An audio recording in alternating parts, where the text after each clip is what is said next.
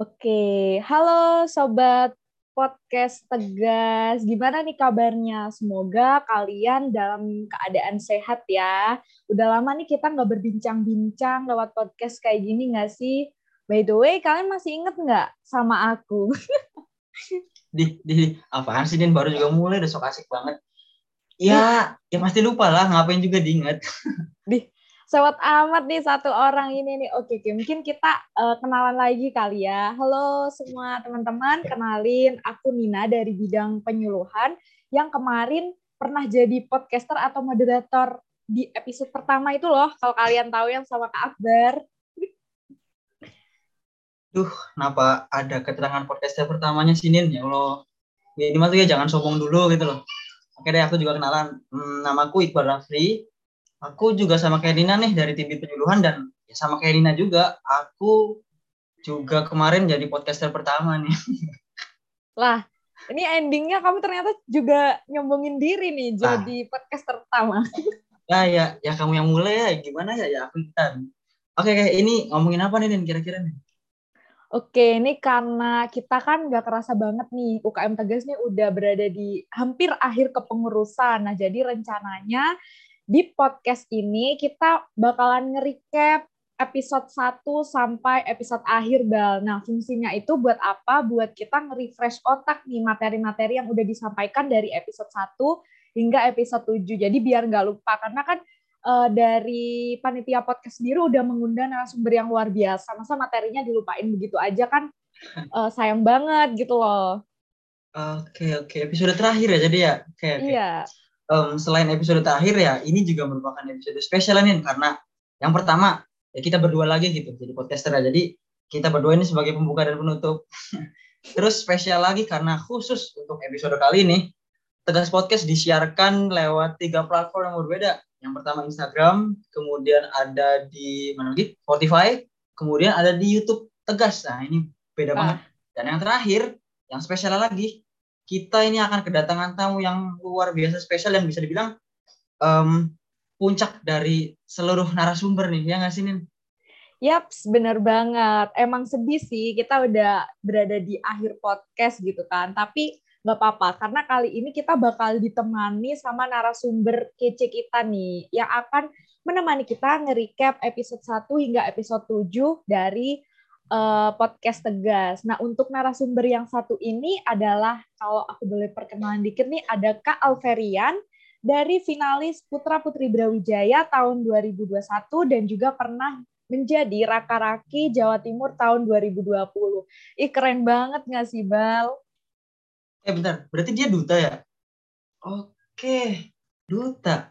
Keren sih, keren. Tapi kayaknya rambutnya tuh aku lebih seneng tuh, keren. Soalnya kan ini kelihatan banget aku rambut berantakan terus. Nah, aku ngeliat duta nih kayaknya keren banget rambutnya. Boleh nih, boleh nih kita persilahkan nih dia masukkan.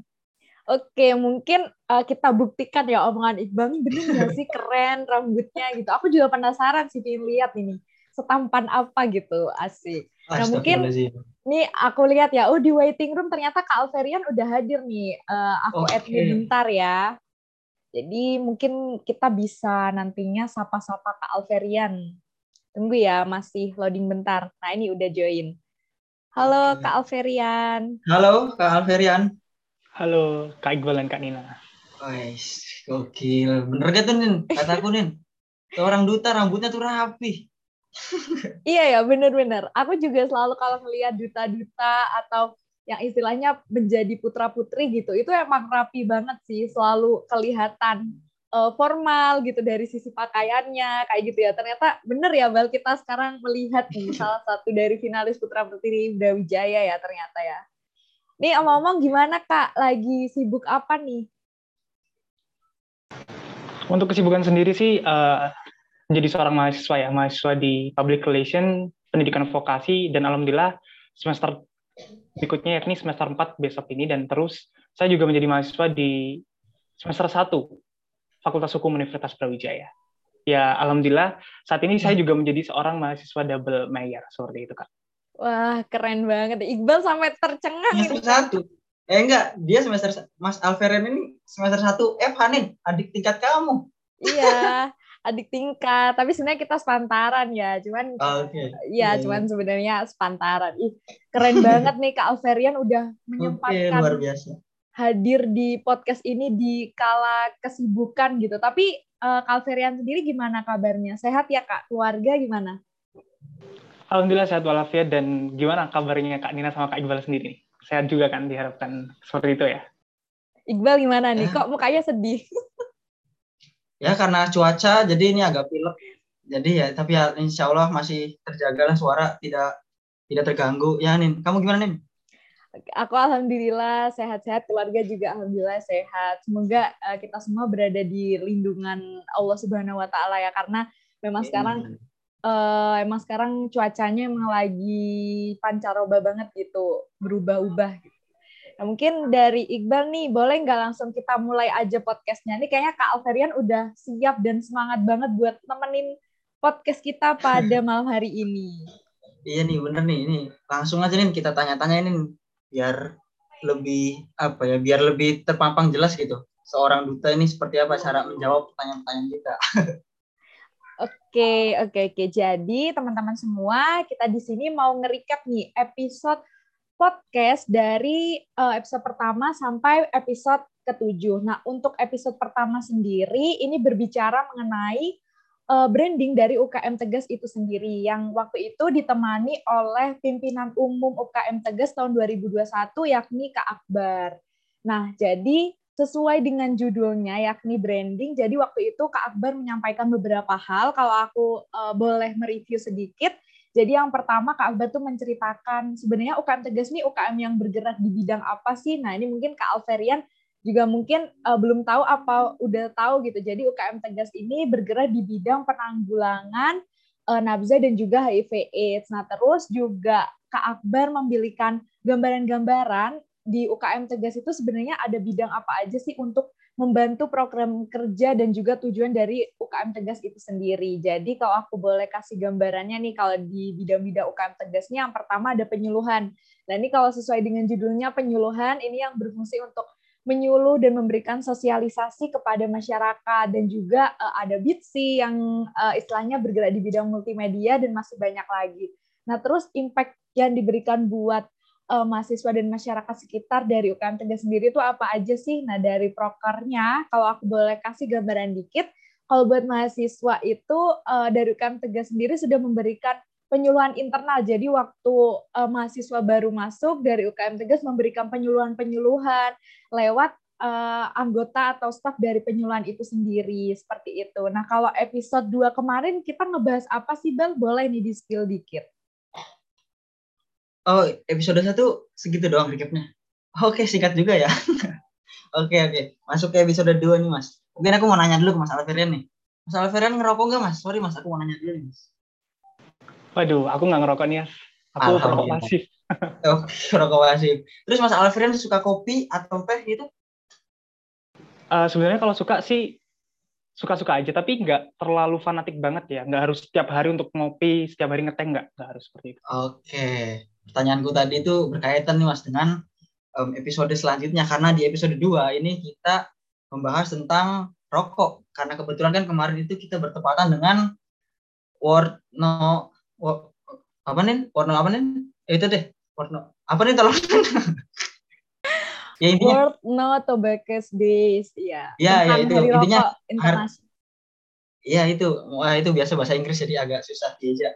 Intinya itu kita lagi itu collab mas dengan UKM komplit dari UNES. Di saat itu ya kita membahas tentang bahaya rokok, kemudian um, kandungan-kandungan dari rokok. Dan episode 2 ini berkaitan nih sama episode 7. Di mana episode 7 ini kita membahas tentang zat adiktif. Nah, saat itu kita ditemani sama uh, Mas Armando. Mas Armando itu ketua umum UKM Tegas 2019.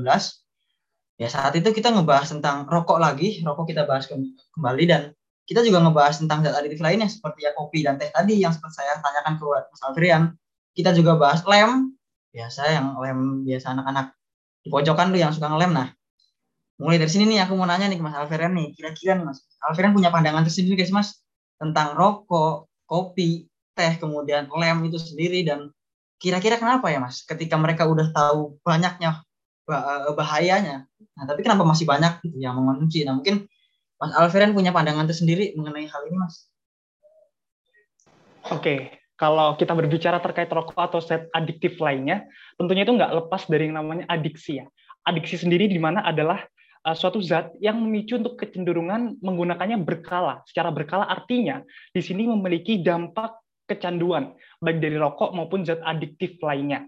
Nah, kalau berbicara terkait rokok, kita harus mengetahui secara garis besarnya terlebih dahulu. Garis besarnya atau secara umumnya itu ada dalam zat adiktif, karena rokok itu merupakan salah satu bagian dari zat adiktif.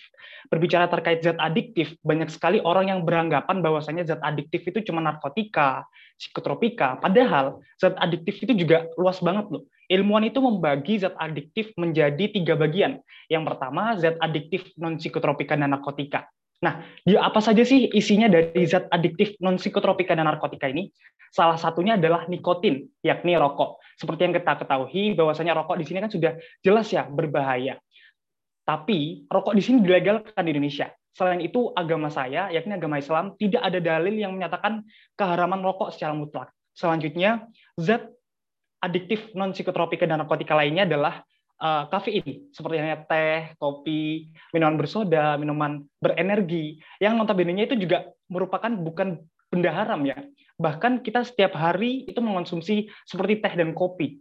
Jadi tidak ada masalah terkait zat adiktif yang seperti itu. Namun terkadang teh dan kopi itu juga memicu kecanduan. Setiap hari kita harus meminum kopi dan teh untuk meningkatkan energi kita dan sebagainya. Dan yang terakhir, zat adiktif, narkotika, serta psikotropika. Yang notabene-nya zat adiktif ini memang legal, namun dilegalkan hanya untuk aspek medis saja, tidak diperuntukkan untuk konsumsi semerta-merta untuk kepuasan diri sendiri atau kepuasan pribadi. Itu yang menyebabkan ketidaklegalan atau keberbahayaan dari sebuah psikotropika maupun narkotika, seperti halnya heroin, kokain, ganja, sabu-sabu, halusinogen, dan sebagainya. Nah, tentunya kalau berbicara terkait uh, zat adiktif non psikotropika dan narkotika, alkohol itu juga termasuk zat adiktif non psikotropika dan narkotika. Namun, alkohol di sini juga berbahaya. Alkohol di Indonesia juga akan tidak dilegalkan kembali karena baru-baru ini, uh, seingat saya itu pada bulan Maret 2020 kemarin itu sudah dirancang rancangan undang-undang mengenai larangan minuman keras. Nah, di situ sudah dirancang bagaimana kita tidak boleh meminum minuman keras, menyebarkannya, membagikannya, bahkan uh, memproduksinya pun sudah dilarang. Dan RUU ini memang masih belum disahkan, namun sudah berada dalam uh, prolegnas, yakni sudah ancang-ancang untuk segera disahkan, seperti itu. Nah, selanjutnya kalau kita membahas rokok secara universal atau secara general, beberapa alasan orang kalau ngerokok ketika aku tanya ke teman-temanku, kenapa sih kamu ngerokok? Alasannya mereka uh, aku ditawarin temanku nih dan ya kali aku nolak nggak enak juga kan. Selain itu alasan mereka lainnya kalau ngerokok itu aku ingin mencari ketenangan. Dan bahkan alasan yang sangat tidak masuk akal seperti ini. Ya kali nggak ngerokok nggak gentle sama sekali nggak maco nggak uh, jantan banget gitu loh. Jadi rokok di sini tuh dijadikan sebuah toxic masculinity loh. Kalau kita bahas rokok ya secara universal itu akan merembet ke mana-mana baik kesehatan ekonomi bahkan toxic masculinity juga gitu loh. Kalau kita berbicara rokok berdasarkan ekonomi ya, rokok itu berkontribusi besar untuk penerimaan negara dari cukai sebanyak 97 persen. Itu dalam kuartal 1 2021. Yang tentunya perokok itu dengan bangganya menyatakan aku ngerokok tapi aku memberikan sumbang asi terhadap negara. Tapi baru-baru ini ya, Menteri Keuangan kita, Ibu Sri Mulyani menyatakan bahwasanya perokok itu menjadi beban BPJS Kesehatan mengeluarkan sebanyak 15 triliun rupiah. Nah, kita perlu uh, kaji lebih dalam ya. Kalau kaji di sini terlalu panjang nanti ya, panjang lebar ya, karena perokok itu sebenarnya akan memberikan sumbang asih ataukah ataukah akan merugikan negara kayak gitu loh bahasanya yang memang uh, kalau misalnya dibahas secara mendalam itu sangatlah panjang nanti namun Kementerian Keuangan itu atas dasar dari pengeluaran BPJS Kesehatan yang cukup banyak akan meningkatkan bea cukai dari rokok itu sendiri sebanyak 12% di tahun 2022 besok. Nah, terkait kenapa sih banyak orang yang sudah tahu bahaya akan rokok, bahaya akan zat adiktif lainnya, tapi mereka malah tetap mengonsumsinya. Bahkan di wadah rokok saja ya, walaupun ada tulisan kecil. Tulisan kecil aja nggak diraup, tulisan kecil itu nggak ada manfaatnya sama sekali. Apalagi sekarang ini rokok di wadah rokok itu sudah ada gambar-gambar korban dari perokok itu sendiri. Seperti kanker tenggorokan, kanker paru-paru dan mereka pun gambar aja nggak dihiraukan atau diabaikan gitu loh. Dan bodoh amat sama sekali. Apalagi tulisan kecil yang uh, berbahaya merokok bisa menyebabkan apa-apa dan lain-lainnya. Itu memang orang perokok itu sulit atau paling bandel kalau kita uh, nasihatin ya. Karena kita kembali lagi rokok dan zat adiktif itu notabene-nya adiktif yang memicu kecenderungan untuk memakai secara berkala, yang memicu kecanduan. Nah, pada saat orang sedang merokok atau mencoba zat adiktif itu, pemicu yang menyebabkan kecanduan itu menyebabkan mereka merasa nyaman ketika mereka melakukan kegiatan merokok ataupun mengonsumsi zat adiktif yang notabene ketika mereka rasanya mereka merasa nyaman dan selesai nih selesai ngerokoknya selesai mengonsumsi zat adiktif lainnya itu mereka itu ngerasa risau, mereka mereka tuh ngerasa gundah dan mereka tuh terkadang batuk-batuk, pilek, bahkan demam gitu loh. Karena mereka itu sudah apa ya? sudah nyaman dengan rokok atau zat adiktif yang mereka konsumsi. Gitu. Itu salah satu penyebab kenapa perokok ataupun pengonsumsi zat adiktif itu tetap kekeh untuk mempertahankan pola hidup yang tidak sehat seperti itu. Dan tentunya uh, bisa disembuhkan, namun secara bertahap ya, tidak langsung berhenti ngerokok. Ada sih beberapa segelintir orang memang sudah uh, kapok atau istilahnya udah dikasih azab ya sama Tuhan, dikasih penyakit gitu ya. Terus uh, berhenti ngerokok gitu secara permanen, secara langsung gitu ya. Namun ada juga orang-orang yang suka bandel walaupun sudah sakit tapi masih uh, ngerokok aja, masih konsumsi zat adiktif. Ya perlu kita ketahui uh, hal itu perlu disembuhkan secara berkala. Kayak gitu sih Kak dari aku. Oke, terima kasih Kak Alverian atas uh, insight-nya yang sangat luar biasa ya, Bal. Uh, aku banyak belajar hal baru sih hari ini. Bal, yeah. gimana nih? Gini, gini. Aku menarik tadi yang apa ya, kayak semacam rokok itu memberi keuntungan untuk um, negara gitu loh. Tapi kamu tahu nggak sih, sebenarnya rokok itu bukan hanya keuntungan untuk negara, tapi keuntungan untuk pribadi juga pertama nih menurutku rokok ini memberi keuntungan untuk um, dokter paru-paru. Kemudian kedua memberi keuntungan untuk tukang parkir rumah sakit paru-paru. Kemudian ketiga memberi keuntungan untuk um, yang jualan nasi di rumah sakit paru-paru. Karena semakin banyak yang rokok, semakin banyak pasien di rumah sakit paru-paru ya semakin banyak uh, pendapatan yang didapat mereka. Gitu. Jadi ya ya gitu deh. Iya, bener banget sih. Apalagi uh, rokok itu emang kalau misalnya kita sudah uh, mengonsumsi rokok, aku melihat dari orang-orang di sekitarku, kayak misalnya Pak Deku, Omku gitu. Tapi untungnya uh, ayahku dulu pernah perokok, terus sekarang udah berhenti gitu. Emang uh, rokok ini susah banget buat kita berhentinya gitu karena bahkan mereka yang sudah menjadi perokok aktif itu memilih buat nggak makan daripada nggak merokok itu aku tahu sendiri dari beberapa orang yang di dekatku gitu. Mereka uh, pada bilang bahwa kalau misalnya puasa itu susah banget buat nahan nggak ngerokok daripada nggak makan kayak gitu. Jadi mereka lebih milih buat nggak makan daripada nggak ngerokok. Sebenarnya aku juga aku juga bukan perokok ya jadi kurang tahu juga gimana maksudnya rasanya gitu loh. Apakah itu memang bisa mengenyangkan perut atau kayak gimana gitu loh tapi emang itu nyata gitu loh. Orang-orang pada lebih memilih uh, rokok ketimbang makan kayak gitu. Bahkan uh, orang-orang yang ingin berhenti merokok itu sampai rela untuk mengonsumsi permen. Jadi mengonsumsi permen karet mengonsumsi permen-permenan supaya uh, mulutnya ini mungkin nggak gatel buat ngerokok lagi gitu ya. Jadi banyak banget cara buat uh, berhenti ngerokok kayak gitu. Ini kalau aku boleh tahu dari Kak Alverian sendiri ada alasan nggak kenapa buat nggak ngerokok atau uh, nge-vape juga nggak? Kan ada beberapa orang yang memilih buat nggak ngerokok tapi nge-vape gitu. Kalau Kak Alfian gimana? Oke, okay, kalau dari aku sendiri sebenarnya kalau keluarga kan lingkungannya uh, perokok ya. Ayahku perokok, omku perokok, dan kakek-kakekku juga saudara-saudaraku banyak perokok. Cuman aku memang nggak ada niatan untuk bisa untuk mau coba itu nggak ada niatan sama sekali.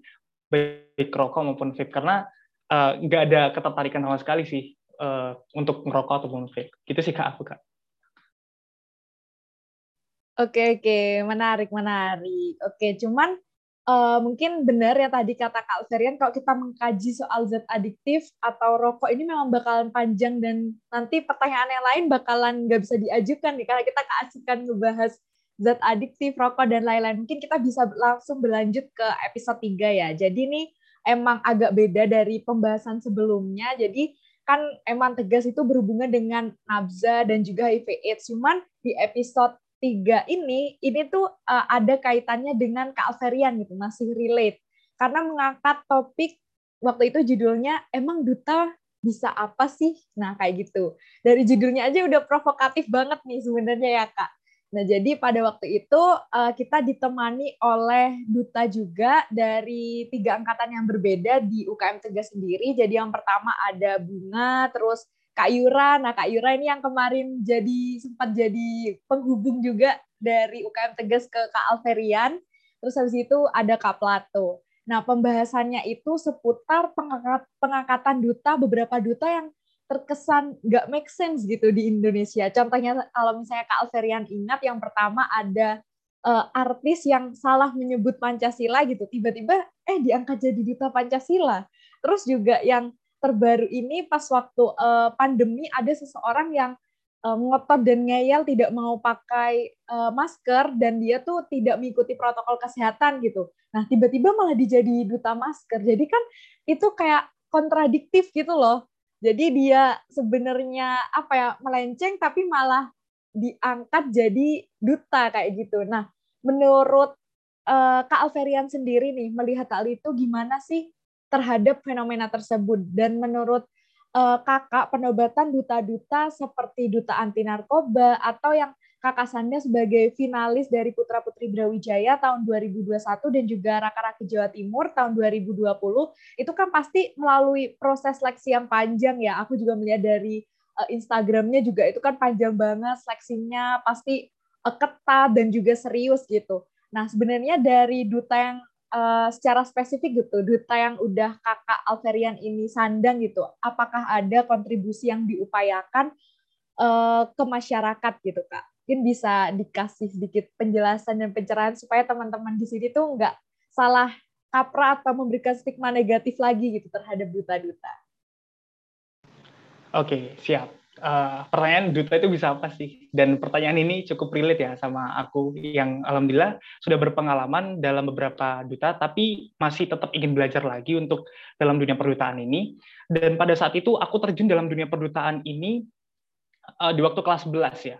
Di waktu kelas 11 aku uh, terjun di duta wisata Kakangayu Kabupaten Probolinggo dan alhamdulillah mendapatkan pemenang juara satu. Selanjutnya di tahun 2020 aku di Raki Jawa Timur dan alhamdulillah di tahun 2021 fokus di duta kampus, yakni di Putra Putri Vokasi dan Putra Putri Brawijaya yang kemarin itu mendapatkan gelar top 5 ya.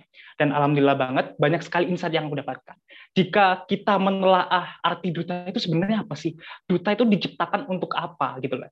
Duta itu adalah public figure figur publik yang memang notabene-nya berkompetensi untuk diharapkan dapat merepresentasikan sebuah bidang tertentu ataupun institusi tertentu. Nah, tentunya diharapkan seorang duta itu uh, menjadi seorang contoh gitu ya. Seorang contoh baik dalam bidang apa pun. Misalnya saya sebagai duta wisata, saya harus dapat bisa merepresentasikan duta wisata yang ada di daerah saya memperkenalkannya, mempromosikannya, dan tentunya duta itu juga menjadi gambaran, cerminan seperti duta kampus. Duta kampus Putra Putri Brawijaya adalah cerminan mahasiswa Brawijaya itu seperti apa. Dan eh, kita di sini dituntut untuk menjadi versi yang lebih baik lagi. Memang manusia ya, manusia kan nggak ada yang sempurna. Tapi kita dituntut untuk menjadi versi yang lebih baik lagi. Nah, kalau berbicara terkait uh, apa namanya fungsi dari duta itu sebenarnya untuk apa sih gitu ya terkait fungsi dari duta itu sebenarnya untuk apa pemerintah sama institusi itu menciptakan perdutaan atau eh, lomba-lomba yang seperti duta HIV dan AIDS, duta anti narkoba, duta kampus, duta bisa dan duta-duta lainnya itu diperuntukkan agar para pemuda memiliki wadah untuk dapat berkontribusi aktif kepada lingkungan masyarakat di Indonesia tentunya. Dan tentunya perwujudan adanya pengadaan perdutaan ini sebagai salah satu upaya perwujudan pentahelix collaboration. Pentahelix collaboration ini merupakan lima unsur utama yang ada dalam lingkungan masyarakat. Di antaranya adalah bisnis, media, akademisi, selanjutnya adalah komunitas dan pemerintahan. Kita sebagai berdutaan itu masuk ke dalam aspek akademisi dan aspek komunitas. Karena rata-rata seorang duta itu kan pelajar, mahasiswa, yang notabene-nya kita di sini adalah kaum intelektual yang diharapkan untuk dapat membagikan ilmu, menyebarkan ilmu. Jadi kita berperan dalam pentahelix collaboration dalam dalam aspek akademisi. Selain itu kita juga berperan dalam aktif aspek komunitas karena kita adalah perkumpulan mahasiswa, perkumpulan pemuda-pemudi yang memiliki satu visi, satu tujuan dan diharapkan untuk berkontribusi aktif dalam lingkungan kemasyarakatan di Indonesia. Selain itu, pembangunan SDGs di Indonesia, Sustainable Development Goals, yang diharapkan kita di masa yang akan mendatang, itu uh, mengandalkan pemuda, karena peran pemuda ini sangatlah diperlukan di masa yang akan mendatang, gitu ya. Beberapa poin dalam SDGs perdutaan, itu sangat diperlukan untuk mendorong kinerja pemerintahan. Karena membangun Indonesia untuk masa yang akan datang tidak hanya sekadar dari pemerintahan saja, perlu peran pemuda. Insinyur sekarang tuh pernah berkata, Beri aku seribu orang tua, niscaya akan kucabut Semeru dari akarnya. Beri aku sepuluh pemuda, niscaya akan kuguncangkan dunia. Sudah terbukti peran pemuda sangatlah krusial. Selain itu, perdutaan di sini juga berperan menjadi wadah bagi para mahasiswa untuk menyalurkan perannya.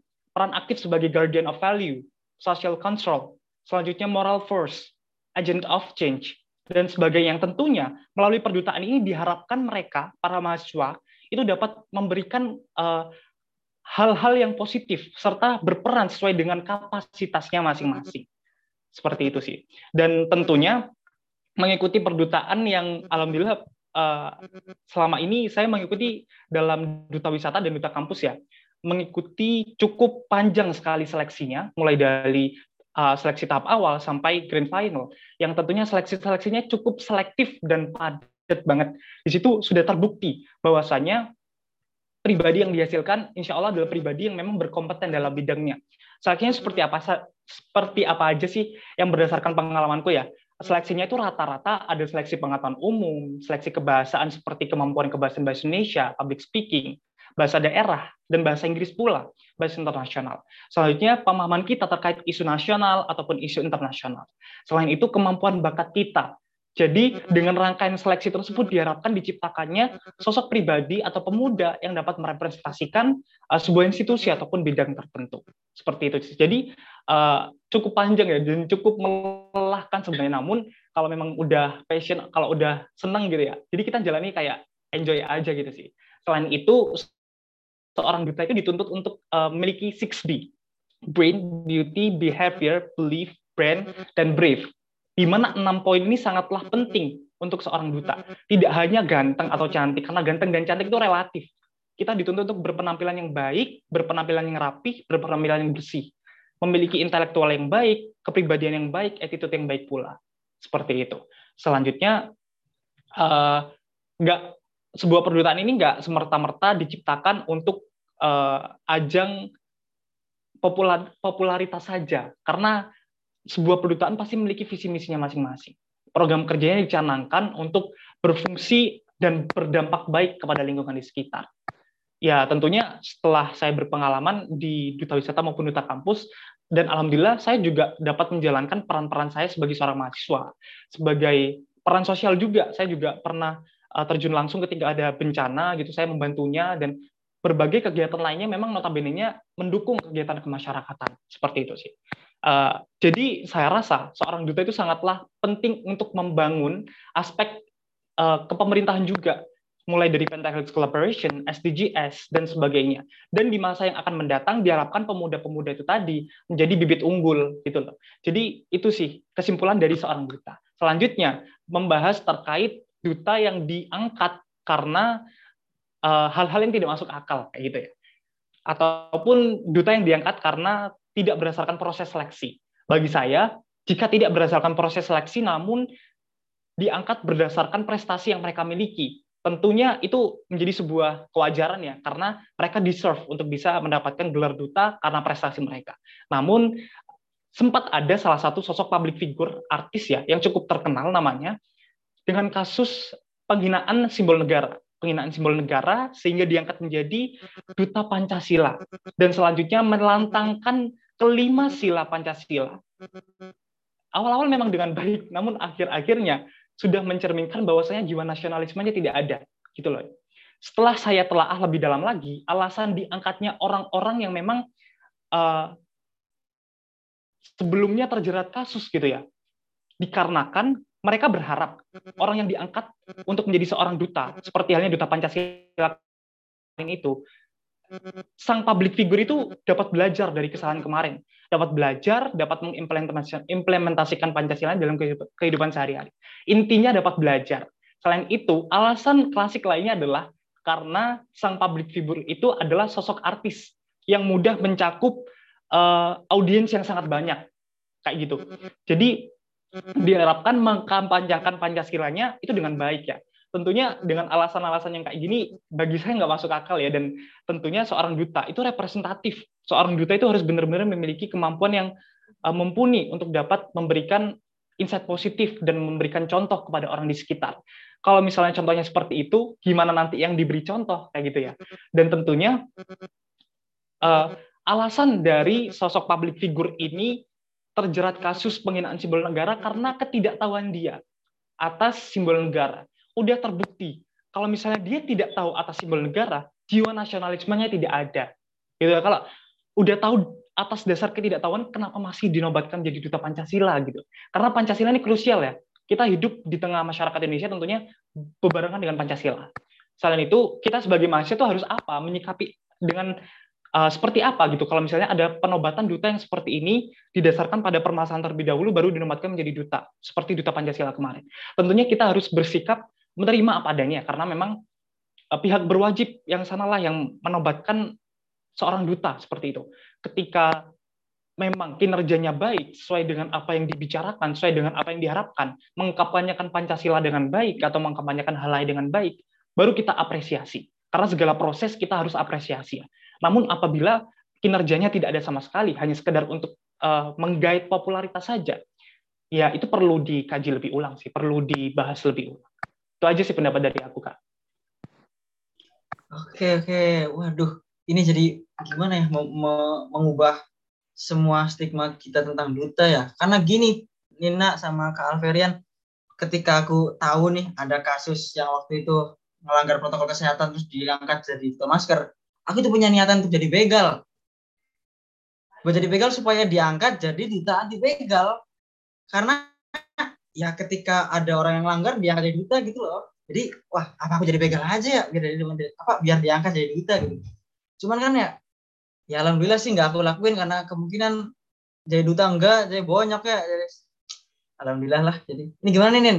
Perihal duta dari Mas Alfer ini ini duta dari dutanya langsung gitu ya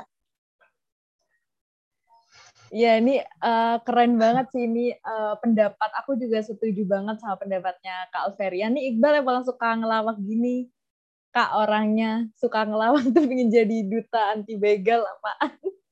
ya aku juga uh, setuju sih. Karena emang uh, pengangkatan duta nggak make itu menurut aku malah apa ya istilahnya bukan malah positif dampaknya ke masyarakat malah jadinya negatif. Jadi duta-duta atau uh, putra-putri yang emang beneran seleksi uh, panjang serius terus benar-benar ingin memberikan impact ke masyarakat gitu malah tercoreng gitu kalau menurut saya. Karena jatuhnya kayak ih itu nggak profesional bisa jadi duta berarti yang duta-duta yang lain kemungkinan juga bisa kayak gitu dong. Nah masyarakat malah berpikiran seperti itu. Padahal kan uh, seperti yang Kak Alverian bilang bahwa duta-duta yang memang meng, uh, melakukan proses seleksi yang panjang gitu itu beneran nantinya terjun dan kontribusi langsung ke masyarakat gitu.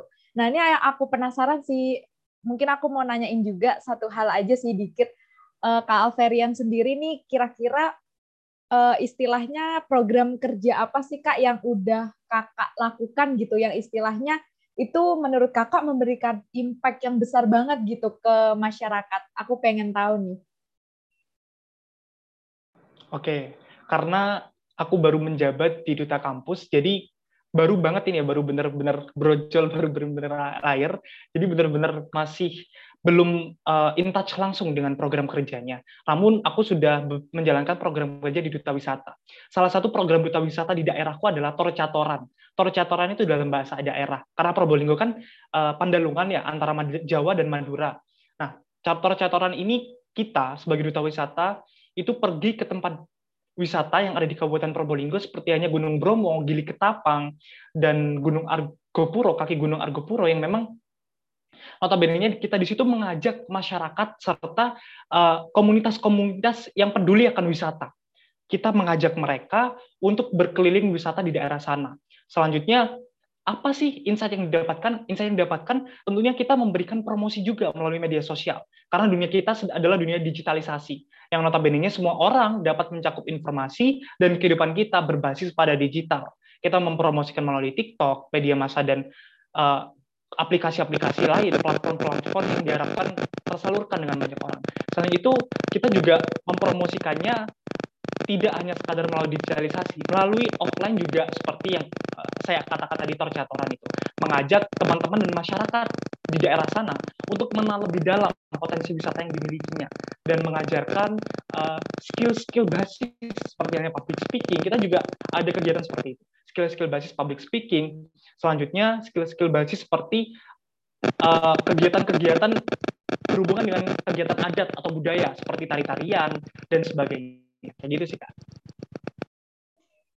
Oke, oke, luar biasa. Jadi intinya duta ini ya banyak sekali manfaatnya gitu ya. Nah, ini untuk para pendengar nih, pendengar Tegas Podcast. Ya ini bisa dilihat duta itu banyak sekali um, kontribusinya untuk kehidupan masyarakat lah bisa dibilang. Jadi ya untuk duta-duta yang bisa dibilang diangkatnya tidak masuk akal ya ya kita jadikan hiburan aja lah ya jadi untuk ketawa-ketawa aja bahwa ya itu hanya sekedar ini pemerintah lagi berusaha menghibur kita nih jadi makanya mereka itu diangkat sebagai duta untuk ya menghibur kita gitu. oke oke. Oke ini untuk duta kayaknya udah kelar nih. Kita mau bahas tentang episode selanjutnya nih mas. Episode keempat itu kita kedatangan tamu spesial yaitu Kasiti Kasiti itu um, Purna dari UKM Tegas. Nah, saat itu kita membahas tentang um, isu kekerasan seksual yang memang apa ya yang bisa dibilang ya sedang marak gitu dibicarakan akhir-akhir ini. Dan ya setelah kita telah tanpa kita sadari juga sebenarnya perempuan dan narkoba itu memang dikata uh, dapat dikatakan rendah untuk uh, menjadi perhatian gitu mas narkoba dan HIV itu masih saling berkaitan dan um, banyak sekali kasus di mana ketika seorang perempuan itu um, mendapatkan kekerasan seksual ya dia itu um, ada hubungannya gitu dengan uh, narkoba. Nah ini yang mau kita tanyain nih, mungkin uh, Mas Alfiren punya pandangan tersendiri gak perihal ini? Kemudian um, gimana sih Mas kira-kira peran dari mahasiswa sendiri untuk meningkatkan awareness terkait isu kekerasan seksual ini Mas. Nah ini barangkali Mas Alfiren punya pandangan tersendiri Mas Monggo Mas. Oke, kalau berbicara terkait kekerasan seksual ya, lini masa pemberitaan kita saat ini, uh, kan aku ada aplikasi CNN Indonesia nih di HP. Jadi setiap pagi itu melihat uh, apa ya timeline pemberitaan yang memang berkaitan dengan kekerasan seksual. Dan kekerasan seksual di Indonesia itu sangatlah beragam, tidak memandang bulu. Kepada siapa? Kepada wanita maupun kepada pria. Selain itu, pelakunya pun tidak memandang bulu juga. Akhir-akhir ini, aparatur sipil negara yang melakukan tindak kekerasan seksual kepada kekasihnya sehingga kekasihnya merasa depresi dan akhirnya bunuh diri dan meninggal dunia. Dan selanjutnya ada guru pesantren yang diharapkan pondok pesantren menjadi tempat yang nyaman, tempat yang aman bagi para uh, wanita maupun pria untuk dapat menuntut ilmu berbasis ilmu keagamaan, namun justru gurunya sendiri pun melakukan tindakan kekerasan seksual kepada belasan santriwati. Udah miris banget sih tidak memandang bulu dan tidak memandang tempat. Baik sepi maupun ramai juga tidak akan uh, apa ya dipandang gitu oleh para pelaku. Mereka melakukan aksi tanpa memperhatikan resiko yang mereka dapatkan. Tentunya itu uh, apa ya berasal dari pemikiran yang memang sudah terlalu jauh ya dari seseorang yang memang tidak bisa menjaga nafsunya seperti itu. Kalau berbicara terkait kasus kekerasan seksual, Komnas Perempuan itu telah mencatat sebanyak 4.000 kasus dari bulan Januari sampai September 2021. Yang tentunya ketika kita memandang dari kasus ini banyak sekali kasus kekerasan seksual yang masih belum tercatat gitu ya. Pasti banyak orang di luar sana yang tidak uh, berani untuk speak up, berani untuk melaporkan terkait terjadinya kasus kekerasan seksual. Dan belum lagi konektivitas antara kekerasan seksual dengan narkoba. Banyak sekali pelaku kekerasan seksual itu atas penggunaan narkoba. Ketika kita menggunakan narko, ketika orang menggunakan narkoba ya, itu mereka itu akan menyerang psikis mereka. Pemikiran mereka itu tidak terkontrol secara baik tidak terkendalikan secara baik. Mereka dapat melakukan tindak kriminalitas, salah satunya adalah kekerasan seksual. Nah, apabila kekerasan seksual terjadi, timbullah HIV dan AIDS. Bisa jadi tidak dan dan tidak menutup kemungkinan. Karena kekerasan seksual kan juga tidak menutup kemungkinan terjadinya seks bebas. Karena kekerasan seksual itu kan merambah ke banyak hal ya. Namun salah satu yang uh, berbahaya adalah seks bebas yang mengakibatkan HIV dan AIDS. Tentunya dampak buruknya salah satu kriminalitas kekerasan seksual itu berdampak ke uh, penyakit-penyakit lainnya dan dampak buruk yang lainnya. Kalau kita melihat hukum di Indonesia terkait kekerasan seksual, yang tentunya hari ini rancangan undang-undang PKS penghapusan kekerasan seksual sedari tahun 2012 Komnas Perempuan itu sudah merencangkan hal ini namun sama sekali belum disahkan. Entah kenapa regulasinya tidak jelas seperti ini, dan tentunya diharapkan dengan melihat kasus kekerasan seksual yang saat ini terjadi di Indonesia, segera disahkan yang namanya RUU PKS itu, agar kita, seluruh manusia utamanya perempuan, itu memiliki tempat perlindungan yang baik, seperti itu. Dan tentunya eh, banyak cara untuk kita meningkatkan awareness, kesadaran atas kekerasan seksual ini. Kita sebagai mahasiswa tentunya kita harus dapat meningkatkan awareness berdasarkan kapasitas kita. Tidak bisa lebih dan tidak bisa kurang. Kita juga sebagai peran agent of change, agen perubahan dan moral force, penjaga nilai moral. Tentunya kita harus dapat uh, mencakapkan diri terlebih dahulu atas pemahaman kekerasan seksual agar ketika kita berbagi ilmu, berbagi informasi kepada orang di luar sana, mereka itu semakin paham dan mereka itu semakin aware atau sadar terhadap bahayanya kekerasan seksual. Caranya gimana sih? Caranya banyak melalui webinar, seminar, penyuluhan dan lain-lainnya. Uh, seperti apa contohnya? Seperti UKM-UKM yang didirikan. Selain itu komunitas-komunitas yang memang concern dalam bidang kekerasan seksual. Belum lagi di Universitas Brawijaya ada ULT KSP yang tidak hanya didirikan untuk semerta-merta cari nama saja, tapi diharapkan menjadi perlindungan bagi para mahasiswa Universitas Brawijaya agar tidak terjadinya kekerasan seksual dan perundungan. Seperti itu. Eh, berikutnya, kita juga sebagai pemeran moral force ya, menjaga nilai moral dan menegakkan kebenaran. Ketika kita mengetahui kekerasan seksual yang terjadi di sekitar kita, kita harus segera melaporkannya. Bahkan kita harus berani untuk dapat menghentikan tindakan kekerasan seksual yang terjadi di depan umum seperti itu atau melaporkan ke pihak yang berwajib. Kita juga harus dapat menjadi wadah teman-teman kita dan korban-korban di luar sana. Karena terkadang mereka takut untuk dapat speak up dan melaporkan diri. Karena ketika mereka speak up, itu dampaknya akan panjang. Bisa jadi akan ada pengucilan dan sebagainya. Tentunya akan terkena yang namanya norma kesusilaan.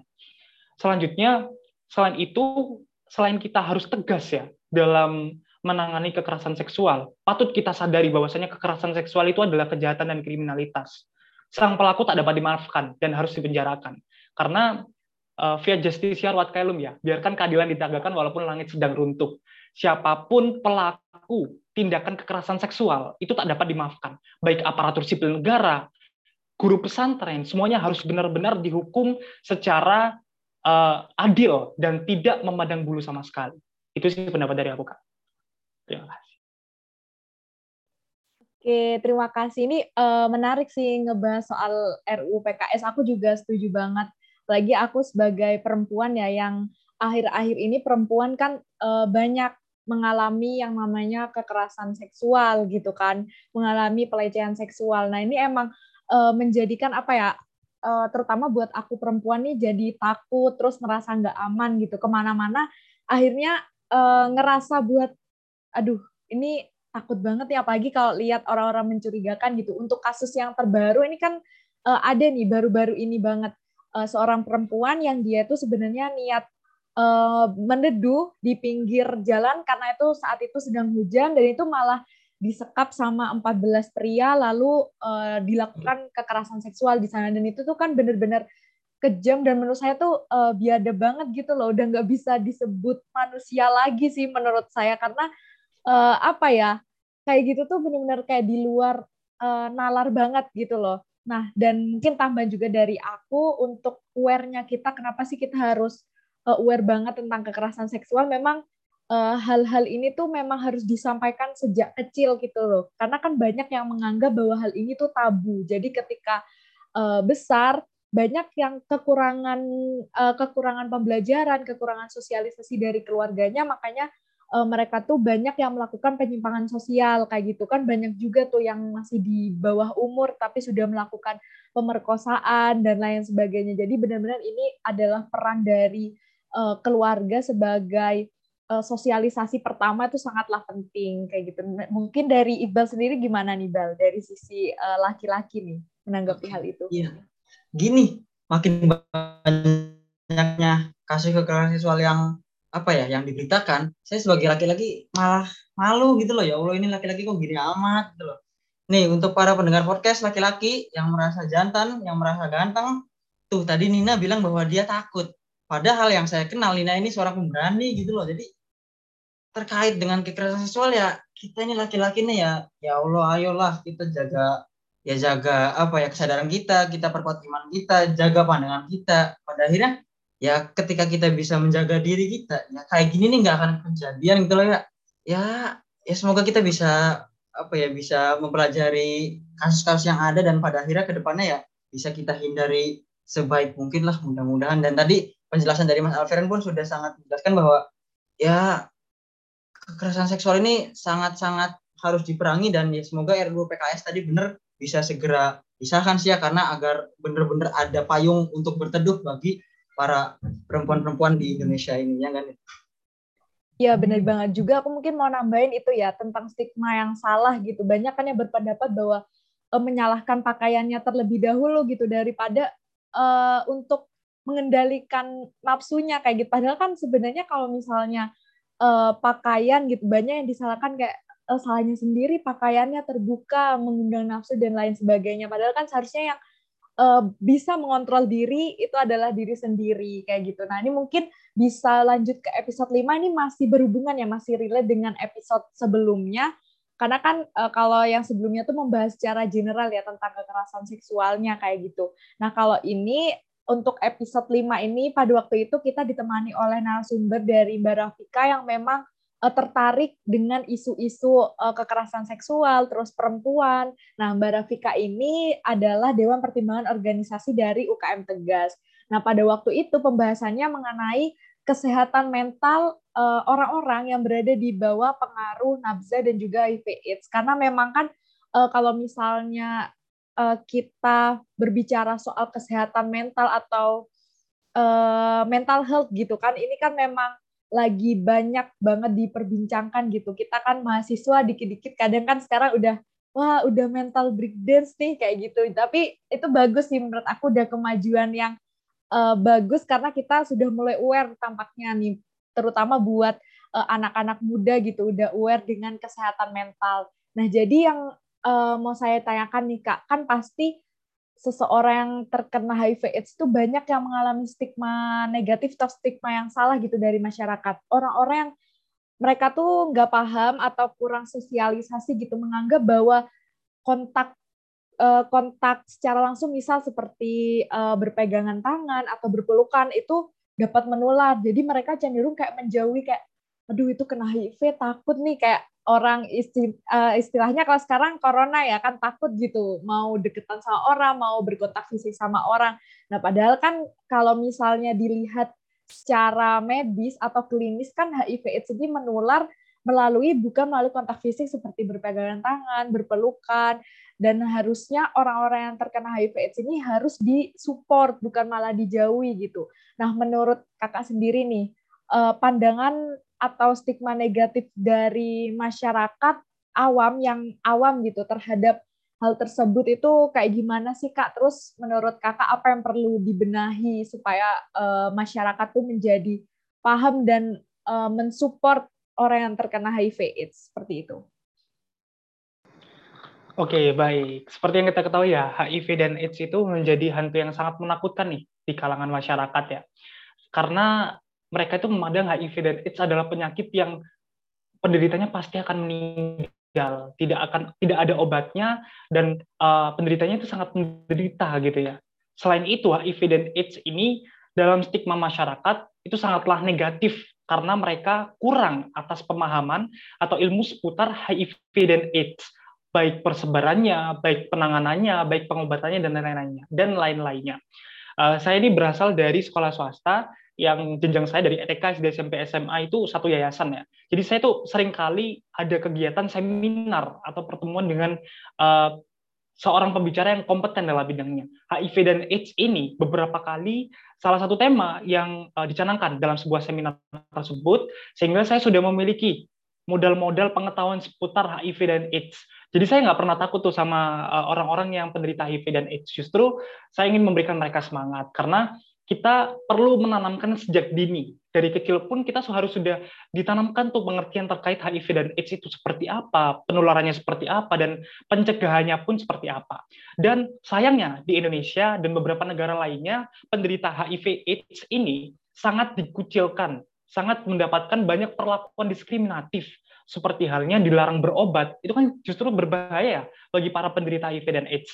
Dilarang menggunakan fasilitas umum, sehingga orang-orang itu kayak uh, terlalu anggapannya, mohon maaf ya, jijik gitu sama uh, sang penderita. Padahal nggak seburuk itu gitu loh. Maksudnya HIV dan AIDS itu penularannya tidak semudah penularan virus corona yang seperti saat ini. Kalau misalnya memang semudah virus corona ya tentunya dari dulu udah banyak sekali orang yang kena HIV dan AIDS dan perlu kita patahkan stigma negatif ini.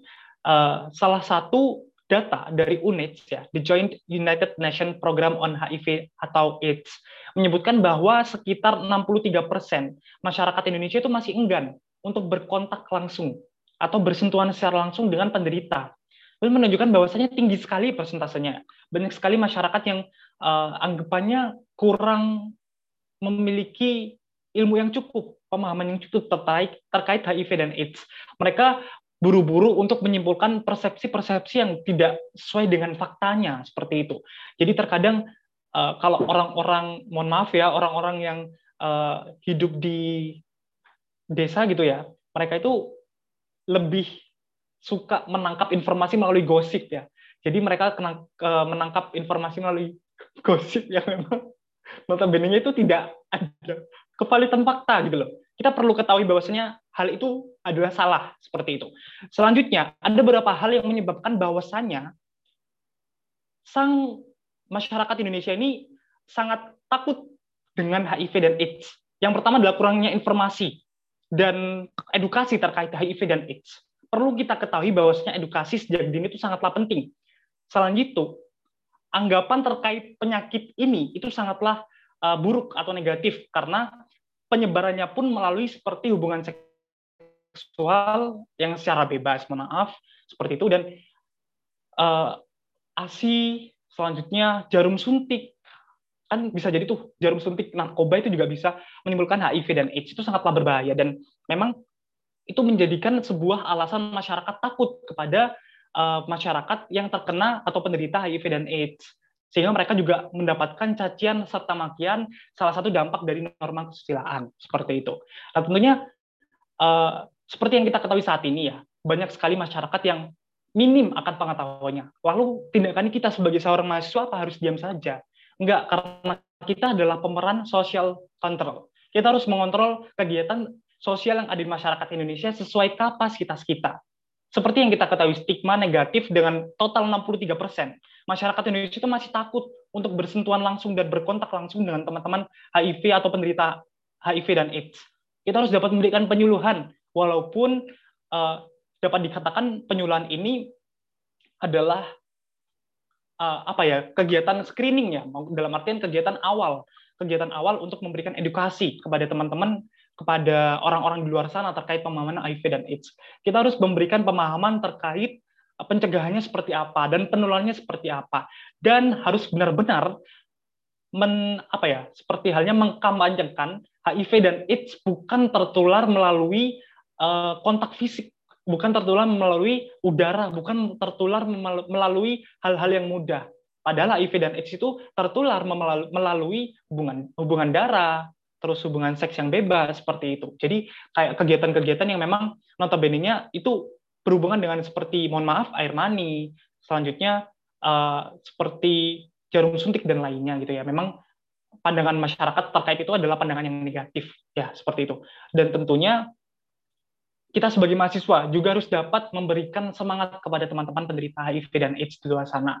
Karena mereka itu, mohon maaf, karena dengan penyakitnya yang uh, cukup memprihatinkan, kita tidak boleh semerta-merta melakukan mereka atau menindas mereka, bahkan melakukan tindakan diskriminatif yang tidak manusiawi. Justru kita harus menyemangati mereka, karena mereka sudah uh, menderita dengan penyakitnya, apa mau ditambah lagi dengan derita-derita dari eksternal yang tidak memperhatikan mereka atau tidak mengucil atau mengucilkan mereka seperti itu. Justru kita sebagai uh, masyarakat yang sadar akan HIV dan AIDS, kita harus dapat menjadi support system. Jadi untuk teman-teman penderita HIV AIDS di luar sana, kayak gitu sih kak.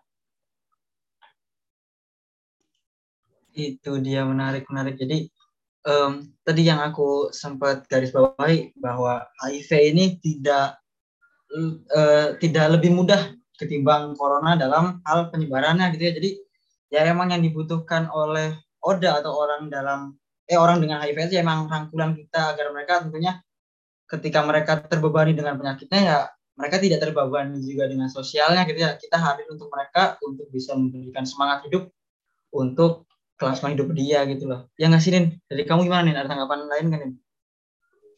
Iya, kalau dari aku sendiri tuh setuju banget sih karena kekurang tahuan masyarakat gitu, kurangnya sosialisasi untuk masyarakat sehingga masyarakat tuh kurang paham terkait dengan penyebaran HIV AIDS ini terkadang mereka tuh kalau aku boleh menyebutnya tuh kurang uh, memanusiakan manusia lain kayak gitu loh. Jadi uh, mereka terkadang tuh lupa gitu.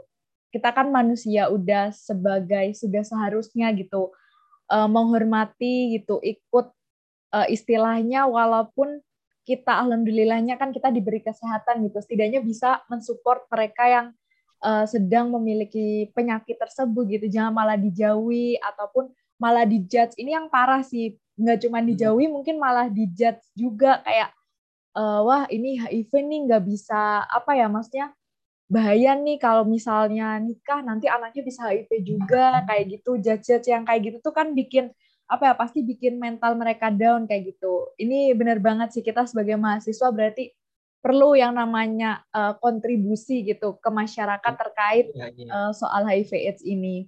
Oke, episode ya. 6 kira-kira soal apa nih, Bal? Iya, um, sebentar sebelum masuk ke episode 6 kayaknya tadi hari menarik nih. Masyarakat ini kan emang kurang gitu dalam hal ilmu tentang HIV AIDS. Nah, itulah gunanya atau itulah fungsinya dari UKM Tegas gitu. Eh, cantik banget ini masuknya. Jadi UKM Tegas ini memang hadir untuk memberikan ilmu kepada teman-teman semua, untuk para mahasiswa semua memang ya tentang HIV, tentang nafsa gitu loh, agar tentunya kita bisa melindungi diri dari kedua hal ini dan bisa membantu orang-orang sekitar kita terlindung dari ya kedua hal itulah nggak perlu saya sebutkan lagi.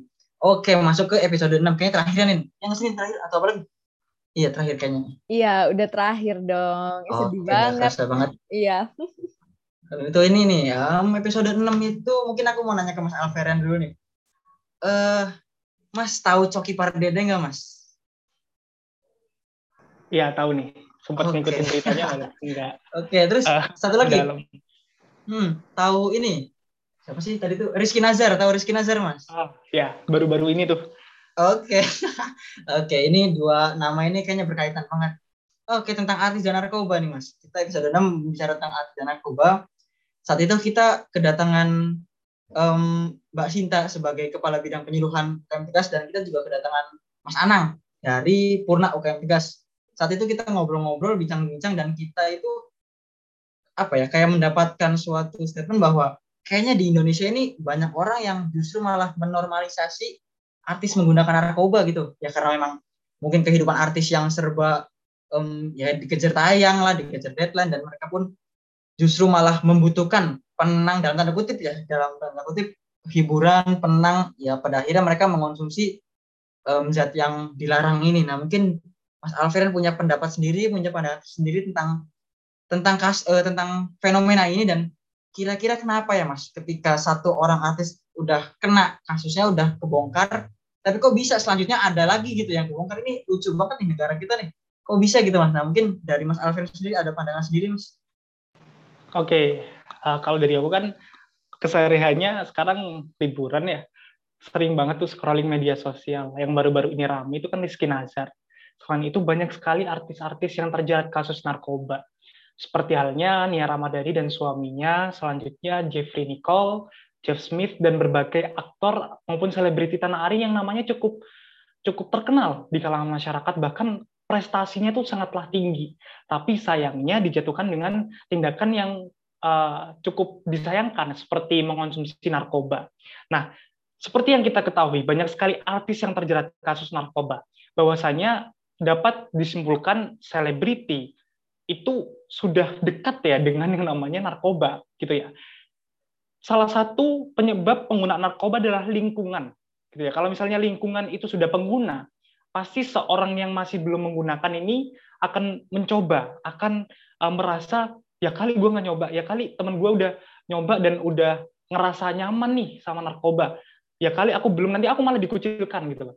Karena circle mereka kan circle-circle selebriti yang memang notabene-nya kehidupan di Jakarta itu sangatlah keras, Jakarta keras ya kan. Jadi benar-benar perlu kita perhatikan pola kehidupan mereka seperti itu. Dan selain itu, uh, tindakan mereka ini sangatlah disayangkan. Alasan-alasan mereka tentunya adalah alasan klasik ya. Alasan-alasan yang memang hampir semua selebritis ketika mereka terjerat kasus narkoba dan telah menggunakan pakaian urin, mereka tuh mengatakan mengatakan alasan yang sama gitu ya. Karena selebritis kan terkenal memiliki kekayaan yang tak selamanya itu menyenangkan gitu. Pekerjaan yang memang menuntut mereka dari pagi sampai pulang pagi lagi, kesibukan mereka, jadwal syuting mereka, jam terbang mereka yang sangat tinggi itu sangatlah melelahkan bagi mereka, sangatlah uh, membuat mereka itu capek, stres, lelah. Belum lagi kan kehidupan mereka selebritis 24 per 7 itu diperhatikan oleh para netizen ya. Netizen Indonesia merupakan netizen yang tidak sopan, yang cukup kita ketahui bahwasanya netizen ini sangat-sangat uh, keras ya kalau misalnya ada sebuah kasus gitu ya. Jadi para selebritis ini juga merasa stres apabila mereka mendapatkan hujatan karena selebritis kan juga manusia nih ya. Tapi mereka malah terjun dalam dunia yang salah, yakni penyalahgunaan narkoba. Alasan-alasan tersebut termasuk dalam alasan psikologis yang tentunya menyerang psikis dan kesehatan mental mereka sebagai seorang manusia dan narkoba itu menjadi sebuah pelampiasan, sebuah hal yang diharapkan dapat menyelamatkan mereka dari stres, dari rasa capek atau rasa lelah, sehingga mereka dapat aktif kembali untuk bekerja di depan layar, sehingga mereka dapat tersenyum lebar di depan layar tanpa merasa kecapean. Kan banyak tuh artis yang ketangkap karena membutuhkan doping ya. Maksudnya kayak benar-benar membutuhkan yang namanya apa ya, seperti Eh, meningkatkan semangat atau meningkatkan energi pribadi gitu ya eh, di dalam diri itu ya. Dan itu sangatlah salah ya apabila kita meningkatkan energi itu melalui hal-hal yang memang tidak sepatutnya kita eh, konsumsi seperti narkoba. Memang rata-rata artis ini menggunakan narkoba itu seperti ganja, sabu-sabu, ekstasi, tembakau gorila, dan dumolip yang notabene memberikan rasa tenang serta menahan rasa kantuk dan uh, terhindar dari rasa stres ataupun doping-doping yang lainnya yang memang diharapkan memberikan semangat seperti itu. Uh, berbicara terkait hal ini udah jelas salah ya. Menurut saya ini nggak bisa dinormalisasikan. Bahkan fans-fans dari artis tersebut pun dengan siap menjadi garda terdepan untuk melindungi artisnya. Bahwasanya ya normal kan wajar wajarlah artis uh, kegiatannya banyak dan syutingnya panjang lebar gitu ya. Jadi ya wajar kalau narkoba banyak sekali orang yang mengatakan seperti itu. Tidak hanya fansnya ya, banyak sekali orang-orang di luar sana yang sudah uh, berani untuk menormalisasikan narkoba itu sendiri. Padahal hukum di Indonesia telah melarang adanya narkoba. Agama-agama pun telah melarang seperti dalam agama saya, agama Islam, narkoba sangatlah haram, udah jelas ya. Dalilnya udah banyak dan saya tidak memiliki kapasitas untuk uh, menjelaskan dalil-dalilnya. Terus terkait alasan pekerjaan itu tidak bisa dijadikan sebuah alasan ya karena bagaimanapun juga narkoba adalah benda terlarang dengan alasan apa pun narkoba tetap terlarang dan tidak akan pernah mengubah narkoba menjadi benda halal seperti itu. Baik alasan pekerjaan, kesibukan dan lain-lain. Tentunya sebagai manusia kita harus dapat mengkaji nih pekerjaan yang akan kita tekuni, dampak positif dan dampak baiknya. Dampak positif dan dampak buruknya tentunya nantinya kita akan hadapi resiko-risiko ke depannya. Tiap pekerjaan pasti ada risikonya, pasti ada waktunya, kesibukannya masing-masing. Uh, tidak bisa mengagung-agungkan sebuah pekerjaan yang sehingga mereka uh, boleh untuk mengonsumsi hal-hal haram seperti narkoba. Seperti itu kan sangat uh, salah sekali ya. Dan tentunya ketika kita terjun dalam sebuah dunia kerja, kita harus menerima resiko apa adanya. Uh, resiko menghadapi netizen Indonesia, resiko kesibukan, bahkan resiko kelelahan gitu ya. Jadi nggak bisa untuk mencari pelarian-pelarian lainnya itu nggak bisa. Nah, seperti yang kita ketahui, ekonomi artis tergolong ke atas ya, menengah ke atas. Kenapa uangnya kok nggak dibuat uh, membayar jasa psikolog saja? Kenapa harus lari? ke narkoba. Padahal banyak banyak cara lain untuk menenangkan diri dari stres, banyak cara lain untuk memberikan semangat serta energi dalam diri kita, serta profesi psikolog di sini berperan untuk dapat uh, memberikan wadah bagi orang-orang di luar sana terkait kesehatan mental, stres dan lainnya. Tentunya artis dapat menggunakan jasa psikolog tersebut karena pada dasarnya kita harus dewasa untuk menyikapi uh, kesehatan mental kita, stres dalam diri kita, serta kita harus dapat meningkatkan iman yang utamanya. Karena dengan kita meningkatkan iman, imun pun bertambah seperti itu. Jadi kayak ketika kita udah tahu kita diciptakan oleh Tuhan, kita akan kembali oleh Tuhan, semua berasal dari Tuhan dan pasti Tuhan akan menolong kita dalam uh, perjalanan kita sehingga tidak akan terjerumus dalam hal-hal buruk seperti narkoba, seperti itu. Itu dia tadi luar biasa tuh. Kan benar kata aku, episode ini spesial karena memang tamunya spesial itu. Kita bisa lihat semua pendapat yang dikemukakan oleh Mang Alfer ini benar-benar menggugah pikiran kita semua gitu ya. Yang Iya, benar banget nih Bel dari pendapat-pendapatnya. Itu udah uh, tadi diperkuat sama data-data juga. Dan di sini aku uh, appreciate banget sih ini pendapat dari Kak Alverian udah menambahkan uh, insight baru. Sebelumnya aku uh, terima kasih banyak gitu Kak Alverin udah bersedia hadir. Nah, tapi sayangnya uh, ini sudah berada di penghujung podcast kita nih. Sedih banget sebenarnya kita masih bisa banyak diskusi-diskusi menarik nih soal pembicaraan uh, nafza di kalangan artis, tadi ya terus rokok, terus habis itu kekerasan seksual, HIV dan AIDS. Nah, sebelum uh, Kak Alverian pamit undur diri nih, boleh nih Kak kasih sedikit uh, pesan kepada pendengar podcast gitu tentang uh, bahayanya nafza dan juga sedikit pengetahuan tentang HIV AIDS gitu dan juga nanti ditutup oleh closing statement. Boleh nih Kak. Oke, okay, uh, buat buat teman-teman semua, utamanya pelajar, utamanya mahasiswa ya. Uh, kalian adalah generasi penerus bangsa.